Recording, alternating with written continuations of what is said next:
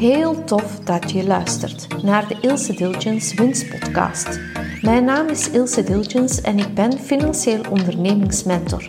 Het is mijn missie, mijn passie om jou als ondernemer in je kracht te zetten om te verdienen wat je waard bent. Met andere woorden, om vet veel geld te verdienen. In deze podcast neem ik je mee in het winstgevend ondernemen. Winst in tijd, winst in goesting, winst in geld, winst in cashflow, winst in marketing en verkoop. In de podcast ontdek jij hoe jij winst omzet in goud met financiële rust, financiële zekerheid, overvloed en vrijheid als resultaat. Hey enthousiaste luisteraar, welkom in de negende aflevering van de Winst Podcast. Vandaag vertel ik je hoe dat jij jouw offertes in de bouwsector aanpakt en welke topics snijd ik aan, waarom is de fax dood, Stop met offertes maken voor je bouwklanten. Vier redenen waarom je een offerte uitschrijft. Ik vertel je de vijf stappen hoe jij jouw um, offertes moet opvolgen en hoe dat je dan uiteindelijk winstgevende, succesvolle offertes binnenhaalt. En dan twee besluiten die we uit deze podcast kunnen meenemen. Nu, het eerste topic, waarom de fax dood is. Nu, ik neem je mee naar mijn kinderjaren. Ik zeg dan letterlijk de lagere schooljaren. Dat is ondertussen al, uh, ja, 40 jaar geleden. En toen ik in de lagere school zat, dan was het zo dat mijn mama, of mijn moeke, elke morgen naar het faxtoestel liep en daar zat een pak aan verbonden en daar kwamen de getekende offertes in terecht. Nu, als kind vond ik dat wel echt wel een magic, want door een geluidje te maken um, kwam daar zo'n rol in actie.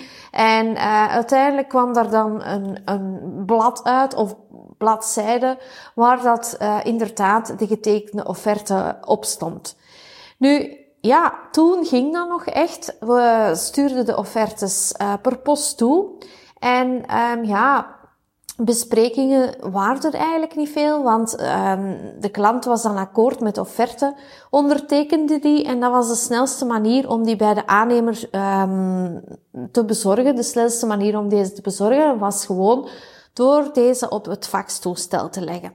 Dus ja, opgestuurde offerte zonder discussies, geen verdediging van de prijs, gewoon een akkoord. Nu, ik herinner mij nog dat er dan ook wel een ware paniek uitbrak ten huize dakwerken Dilgens, wanneer dat het papier in het faxtoestel, of eigenlijk de rol waar het papier op zit, op zit um, als die niet aangevuld was, of er waren geen rollen meer beschikbaar, dat was dan echt paniek, want ja, dan konden die opdrachten niet binnenkomen. En ja, dan konden we de klant ook niet uh, de juiste informatie geven wanneer dat de planning um, zou gebeuren om hun dak te vernieuwen. Dus echt wel, um, ja, niet onmiddellijk behandelen. Dat was bij ons echt wel paniek in huis. En als kind, um, die stemverheffingen, dat vond ik niet leuk. Maar ik moet wel eerlijk toegeven, de zorgen van de bouwondernemer nu, in, in deze eeuw, zou ik zeggen, zijn er eigenlijk niks tegen. Want nu hebben we echt wel met andere problemen, um, andere dingen te worstelen. Denk er maar aan, aan de e-mail die er gekomen is en uh, de manier van communiceren. Dat is gewoon helemaal anders. Nu zitten we zondags namiddags in de zetel. Uh, we googelen, uh, we tikken in wat we eigenlijk nodig hebben qua offerte of welk bouwondernemer dat we nodig hebben. En binnen de paar seconden krijg je de boodschap dat je zes gratis offertes krijgt binnen de twee minuten in uw mailbox. Hoe kan het echt wel zijn, hè? En hoe in hemelsnaam kun jij dan als bouwondernemer het onderscheid maken uh, met jouw gedetailleerde offerte om die klant dan alsnog een, uh, te overtuigen dat hij moet wachten op zijn offerte en uh, ja, dat jij die dan toch nog kunt binnenhalen, dat is toch wel een hele weg. En daarom kom ik al bij het tweede topic, dat is, ik zeg nu letterlijk, en je hoort het heel goed, ik ga het heel duidelijk zeggen, Stop met offertes te maken voor jouw bouwklanten. En je zult nu zeggen, ja, Ilse, nu helemaal zot. Um, waarom zou ik geen offertes niet meer maken? Ja, dat is waar. Maar als je niet van plan zet om die offertes op te volgen, niet telefonisch of niet fysiek via een afspraak, dan is dat echt wel bakken geld dat je overboord gooit. Want als je niet gestructureerd met offertes bezig bent, dan is het te zot om woorden om er tijd in te steken. Want niet opgevolgde offerte, dat is gewoon geld in de vuilbak. En waarom durf ik daar nu zo een straffe statement van maken? Ah wel, ik zal u dat verder in deze podcast vertellen. Nu, eerst en vooral, waarom schrijf je een offerte uit? Er zijn uh, vier redenen. Eerst is dat je een nieuwe klant wilt binnenhalen, want dat betekent dat jij uh, ja, een offerte uitschrijft, dat je maakt, dat je kans maakt om omzet te creëren, om je bedrijf te laten groeien. Uh, jouw kans is dan echt wel om je bedrijf op de kaart te zetten en te scoren bij die klant. Een tweede reden is dat jij um, dat die prijsaanvraag die jij krijgt van je potentiële klant, dat die past bij je productaanbod en ja, eerlijk, je kunt nog wel wat opdrachten gebruiken dit kwartaal. En ja, er is nog ruimte in je planning, dus je wilt die dus zeker opgevolgd ingevuld hebben. Derde reden waarom dat je die offerte zou willen uitschrijven is dat, um, dat je naar dat project bent gaan kijken bij de potentiële klant, de aanvrager. En dat is toch wel echt wel het project van je dromen dat je wilt uitvoeren. Dus die klant verdient om een mooie en onderbouwde offerte te ontvangen. Dat is een win-win voor beide partijen. En het vierde is dat je prospect enorm enthousiast is, want die is al doorgestuurd door uh, een klant van jou. Maar wat gebeurt er dan bij een offerteaanvraag? Hoe komt die offerteaanvraag bij jou? Ja, dat kan via telefoon, via jouw contactformulier op je website of via de mail. Maar hoe dan ook, die prospect die heeft interesse in jouw um, bouwonderneming, dus die wilt echt wel met jou in zee gaan. Nu, het gebeurt dus vaak dat jij uh, uren werk steekt in je offerte en achteraf krijg je dus geen reactie van je klant.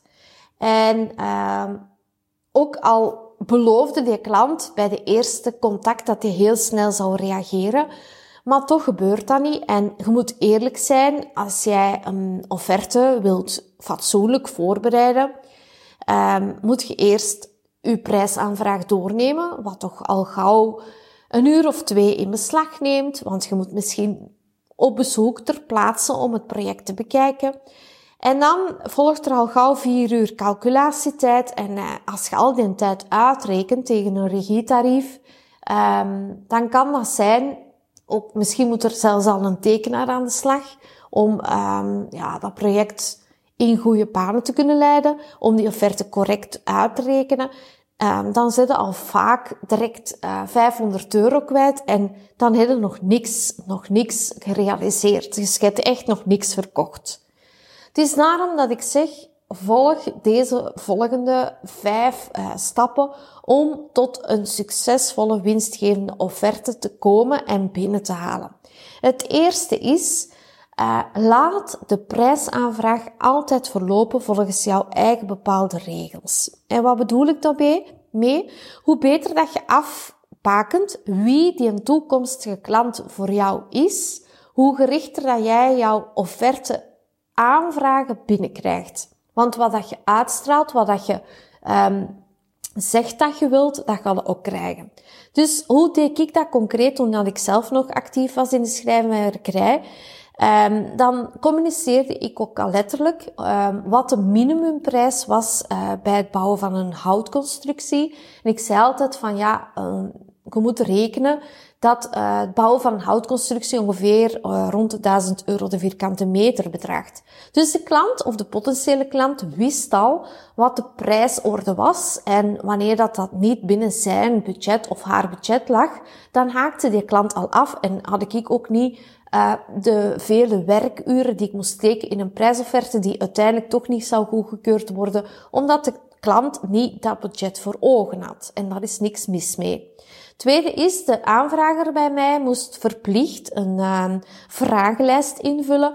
Um, ja, om te kijken dat hij het serieus meende. En een van die vragen was dat hij inderdaad al een bouwaanvraag had um, verkregen bij de gemeente, of toch wel was al gaan vragen of hij wel degelijk een bijgebouw of een houten tuinconstructie of een houten bijgebouw, algemeen als aanbouw, mocht plaatsen in zijn, op zijn um, ja, bouwgrond. Dus die twee voorwaarden, enerzijds budget, anderzijds bouwtoelating uh, en die uitgebreide vragenlijst die eraan vast zat, dat maakte al dat er klanten waren die afhaakten. En dat was geen probleem, want uh, ik ga niet vier, zes uur, vier à zes uur tijd steken in offertes maken die 0,0 kans hadden om te slagen. En je kunt u dan afvragen, ja Ilse, maar wat zet je dan nog in die, in vragenlijst? Hoe kunt je dat opbouwen? Ja, ik vroeg dan dat hun voorkeur uitging naar een gemetste um, onderconstructie of eerder een houten regelwerk. Um, wel, wat voor soort dak dat ze wou, rieten dak, pannendak en zo verder. En nog veel andere vragen, maar uh, dat maakte ook dat de aanvrager mm, ook serieus bezig was met zijn uh, project. En dat maakte ook dat ik niet op het moment dat ik bij de aanvrager zat, dat er nog over alles moest nagedacht worden. En dan gingen ze eigenlijk niet over één dag ijs. Er werd al over nagedacht, concreet. Man en vrouw gaan aan tafel zitten voor ik kom, wat dat ze eigenlijk willen. En dat spaart zowel voor uh, de potentiële klant als voor mij als bouwondernemer of bouw- um, of projectaannemer uh, veel tijd uit. Dus ik vind dat jij de spelregels mag bepalen en um, de geïnteresseerde moet direct aantonen dat hij wel serieus interesse um, toont. En dat dwingt respect af langs beide partijen. En enkel zo kan jij als um, aannemer de nodige kwaliteit, zorg en waarde leveren. Een tweede is, een tweede um, stap is dat je, dat, ja, er komt een prijsaanvraag binnen en je zegt natuurlijk joepie, maar wat doe je wel en wat doe je niet? Natuurlijk is er in de eerste plaats altijd enthousiasme, want er is iemand geïnteresseerd um, om met jouw bedrijf eventueel in zee te gaan. Maar het is nog niet zo ver. Er is alleen nog maar interesse, er is een trigger en er is in zekere mate een match. Maar wat gebeurt er? Um, en wat doe je zeker niet? Het eerste is de offerten op een stapel leggen en vier weken later een keer gaan kijken dat je, die, dat je nu die offerte kunt samenstellen en dan ineens ontdekken dat je eigenlijk informatie tekort hebt om um, ja, je prijs te berekenen. Ja, dan zit je al veel tijd verloren en dat komt echt niet professioneel over. Wat je wel doet, is de offerteaanvraag komt binnen en je bekijkt die offerte. En um, ik zou zeker uw telefoon pakken en um, ja, je, je checkt dan dat je voldoende informatie hebt en dan gaat je contact opnemen met de mogelijk geïnteresseerde. Je bedankt hem voor de interesse in je bedrijf en wat je dan doet, en dan maakt een magic, dan gaat je sowieso al onderscheiden van alle bouwaannemers, is direct een afspraak vastleggen wanneer dat je die offerte komt voorstellen. Dus eigenlijk hebben nu twee vliegen in één klap. Ten eerste, de aanvrager weet wanneer, dat jij, wanneer hij de prijs zal ontvangen. Dus je vermijdt eigenlijk onnodig uh, gebel, gemail, wanneer dat eindelijk de offerte zal klaar zijn. En jij als aannemer weet wanneer dat je die offerte moet berekenen. Dus voor u is er eigenlijk een soort deadline. En dan kan het plannen voor jou beginnen. En dan is het allemaal veel gemakkelijker, want er is ja, een soort transparantie. Nu, offertes maken kost sowieso tijd en tijd is geld. En hoe beter dat je dan zelf organiseert, structureert en systematiseert, hoe sneller dat die offerte ook klaar zal zijn en je hebt een deadline. En dat maakt dat je veel gemotiveerder bent om die offerte te maken. Dus op deze manier zijt jij volgens mij, en ik ben echt zeker van, onderscheidend van uw concurrent. Dan een derde punt voor een winstgevende, succesvolle offerte is in mijn ogen een totaalprijs. Nu, ik weet, ik discussieer daar heel veel over met andere bouwaannemers en de meningen zijn verdeeld, maar ik ben echt wel voorstander voor een totaalbedrag.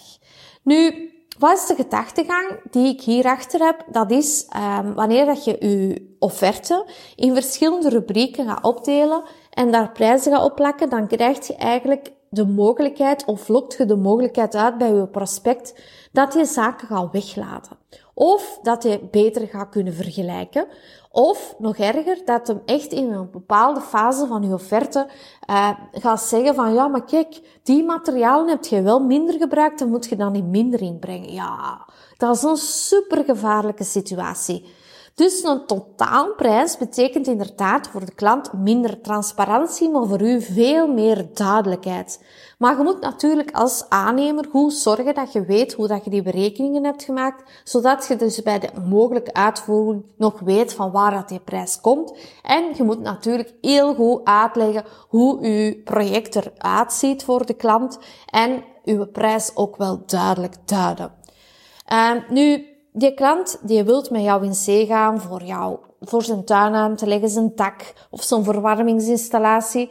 Het, het eindresultaat moet er natuurlijk staan, hè. dat telt. En wanneer dat je klant dan een totaalbedrag weet, dan is dat voor hem gewoon transparanter. Dus je moet even kijken hoe dat jij dat ziet, maar ik opteer voor een totaalprijs. Wat je wel moet voor zorgen is dat je hier geen blunders maakt. Want, allee ja, stel ik kan u een aantal vragen stellen. Ben je nog een Word of Excel gebruiker? Vertrek je van een vorige uh, projectopdracht en is het jouw partner die uh, die administratie in orde maakt, dus die offertes uittypt? Zorg er dan voor dat er geen foute cijfers of foute gegevens sluipen in dat document, want dat is echt blunderen. Want stel dat er nog gegevens van het vorige project uh, in stonden, ja, dat is iets not done, dat mag je totaal niet tonen. Um, en ook stel verkeerde tarieven of nog verkeerde prijzen, not done. En nog erger dat de naam van de aanvrager verkeerd staat of dat de aanvrager nog de naam is van de vorige aanvrager. Dus zorg ervoor dat deze onprofessioneel gedrag in uw offerte zeker niet tevoorschijn komt.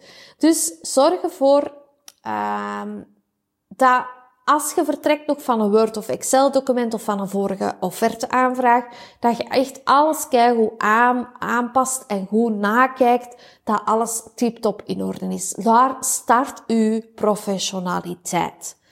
Een vierde is om een winstgevende uh, offerte tot een goed einde te brengen. Dat is bespreek uw, uw offerte live. Ik zei al dat je best met uw offerte um, naar de klant toe rijdt of de klant uitnodigt op jouw kantoor. Nu, wanneer mensen een grote investering plannen, dan kunnen dat eigenlijk niet maken om die offerte gewoon in die mailbox te droppen. Want ja, stel dan eerst al dat die mail in een spam komt, of wat als die mail per ongeluk wordt verwijderd, dan heb jij ook weer al al die tijd erin gestoken en de klant heeft die offerte nog niet eens gezien en die denkt zelfs dat jij niet geïnteresseerd meer bent in dat project. Dus ik vind dat die aanvrager zeker een woordje uitleg verdient en dat je moet weten hoe dat jij jouw, uh, hun project aanpakt. Ik vind dat is een soort getuigenis van respect. En wanneer dat je dan inderdaad over een grote investering spreekt, dan verdient je potentiële aanvrager zeker respect en uh, wilt je ook uitleg over zijn investering. Stel, die dakwerker maakt een offerte van rond en bij de 25.000 euro en dan wilt je een toekomstige klant echt wel weten hoe kom je aan dat bedrag? Wat is de toelichtingen daar rond? Wat zullen de voordelen zijn dat je een dakwerker heeft ten opzichte van andere dakwerkers? Wat mag je verwachten bij de uitvoering? En wat is zijn eindresultaat? Um, nu, dat geeft u ook als bouwondernemer de mogelijkheid om mogelijke bezwaren of vooroordelen rond de prijs weg te nemen, want je zit echt samen aan tafel en dat geeft een zekere vibe in het gesprek. Je creëert eigenlijk een soort klik en de live bespreking geeft u gewoon veel meer kansen om die offerte binnen te halen. En die ettelijke uren tijd die je daar hebt ingestopt, gaat dan eigenlijk terug voordelen afgeven. Nu, ik moet ook zeggen, die gesprekken gaan eigenlijk maar een heel klein deeltje over die offerte zelf. Want wanneer dat je samen aan tafel gaat, dan ontstaat er een sociaal contact. En er wordt vaak dan over gemeenschappelijke interesses gepraat, over, over koetjes en kalfjes, of wat is uh, de gemeenschappelijke vrienden, of wie kent wie en wie kent ons. En uiteindelijk creëert dan een band. Er ontstaat een verbinding tussen de prospect en de bouwondernemer. En je weet, een deal haalde altijd binnen op een klik en niet alleen op de prijs van de offerte. Nu stel je voor dat je toch niet de mogelijkheid hebt om je offerte uh, mondeling te gaan verdedigen of de klant kan niet naar jouw kantoor komen en je moet je offerte toch per mail verzenden, dan zeg ik toch wel tegen jou, zorg voor een opvolgingsmoment. Durf dan echt uw telefoon te pakken om te vragen wat de klant ervan vindt. En uh, ik vind dat eigenlijk vreemd wanneer dat je als bouwondernemer een offerte uitschrijft en je gaat je klant niet bellen. Ja, je moet eens in de klantse schoenen gaan staan. Dat lijkt precies dat je helemaal niet geïnteresseerd zit in hun project. Dus ik vind, um, als ik zelf een offerte aanvraag, het heel fijn dat mensen dat opvolgen, want dat toont ook dat ze interesse hebben. Ik vind dat niet meer als normaal. En je hoort als je belt, dus zeker niet mailen in opvolging zou ik zeggen. Want als je belt hoort je ook echt direct van, ah ja, ze hebben interesse of ze hebben nog twijfels of ze hebben nog vragen en je kan meteen in gesprek gaan. Nu, het vijfde punt om tot een winstgevende offerte te komen is dat je achteraf ook nog eens je offerte effectief moet opvolgen. Want stel eh, dat de klant, de potentiële klant, niet direct toehapt wanneer dat je je offerte gaat verdedigen. Ze moeten er nog eens over nadenken. Um, ja, dan kan je ofwel een nieuw bezoek toe, uh, toekennen of afspreken met de klant, of je doet dat via telefoon. Maar creëer geen opdringerigheid. Ik zou dat altijd doen op afspraak bellen of opnieuw in gesprek in, voor opnieuw in gesprek te gaan. En um, wanneer dat je dat afspreekt, dan weten ze ook dat je gaat bellen. En dan zijn er niet een opdringerige verkoper, dan dat ze, allee, dat gevoel moeten zeker niet creëren. En ik vind ook dat je echt wel die bedenktijd van die klant moet respecteren. Maar plan dat contactmoment terug in.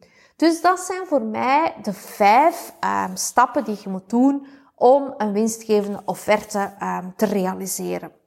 Nu, wat kunt je hieruit besluiten? Dat offertes binnenhalen, dat is hard werken. Ja, ik ben er helemaal mee akkoord en de goedgekeurde offertes komen spijtig genoeg niet meer op de faxrol toe, maar je moet effectief het heft zelf in handen nemen.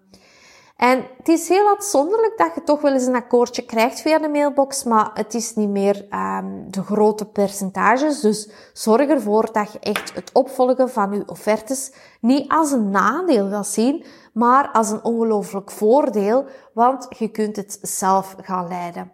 En die band die je dan met je toekomstige klant opbouwt, dat is veel sterker, intenser en dat is alleen maar ten voordele van als je de offerte binnenhaalt. In het proces ga u dat alleen maar, uh, ja, goud opleveren zou ik zeggen, want je hebt een veel betere connectie met je klant. En dat geeft langs beide partijen echt wel voldoening. Tweede punt wat je kunt besluiten is dat communicatie echt wel de sleutel is tot succes. En dat bedoel ik mee wanneer dat je beide partijen, dus zowel jij naar de potentiële klant toe en de klant naar u toe als bouwondernemer, met respect gaat behandelen en vertellen waar het op staat. En dan is um, het finaliseren van die offerte geen ambetante, vervelende of moeilijke activiteit meer. Het is eigenlijk een spel van winnen en verliezen. Het is een spel van geven en nemen. En ja, het is inderdaad zo dat je soms verliest, maar je kunt ook winnen. En um, dat is de fun van het ondernemen. En het coole van heel deze verhaal is, wanneer dat je echt met een persoonlijk contact gaat met de klant en je verliest een offerte, dan zou ik zelfs durven vertellen tegen die uh, potentiële klant van, hey, uh, stel ik nog op de wishlist? Want stel dat uw aannemer om een of andere reden toch niet uh, de opdracht kan aannemen, ben ik dan tweede in de rij en de klant zal, de potentiële klant zal ermee lachen, want je gaat u niet als verliezer opstellen, maar als winnaar. Want ja, je stelt nog voor van stel, hey, als ze niet opdaagt, mag ik het dan doen. En um, wie weet komt dat dan toch nog goed en je houdt met deze mentaliteit, hoe dat je in je winnersmentaliteit stapt en niet in een verliezersmentaliteit, houd je eigenlijk uh, de deur open. En hoe cool is dat? Nu, een vraag aan jou. Hoe pak jij jouw offertes aan? Of zit jij nog steeds in je faxmodus uh, mentaliteit? Dus ik ben heel benieuwd dat jij wel degelijk je offertes opvolgt. En uh, zeg je van, hey Ilse, dit was een kei interessante podcast.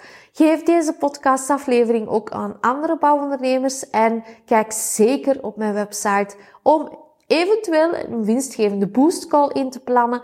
En uh, dan horen wij elkaar, um, dan horen wij elkaar en veel succes met jouw offertes. Tot de volgende keer!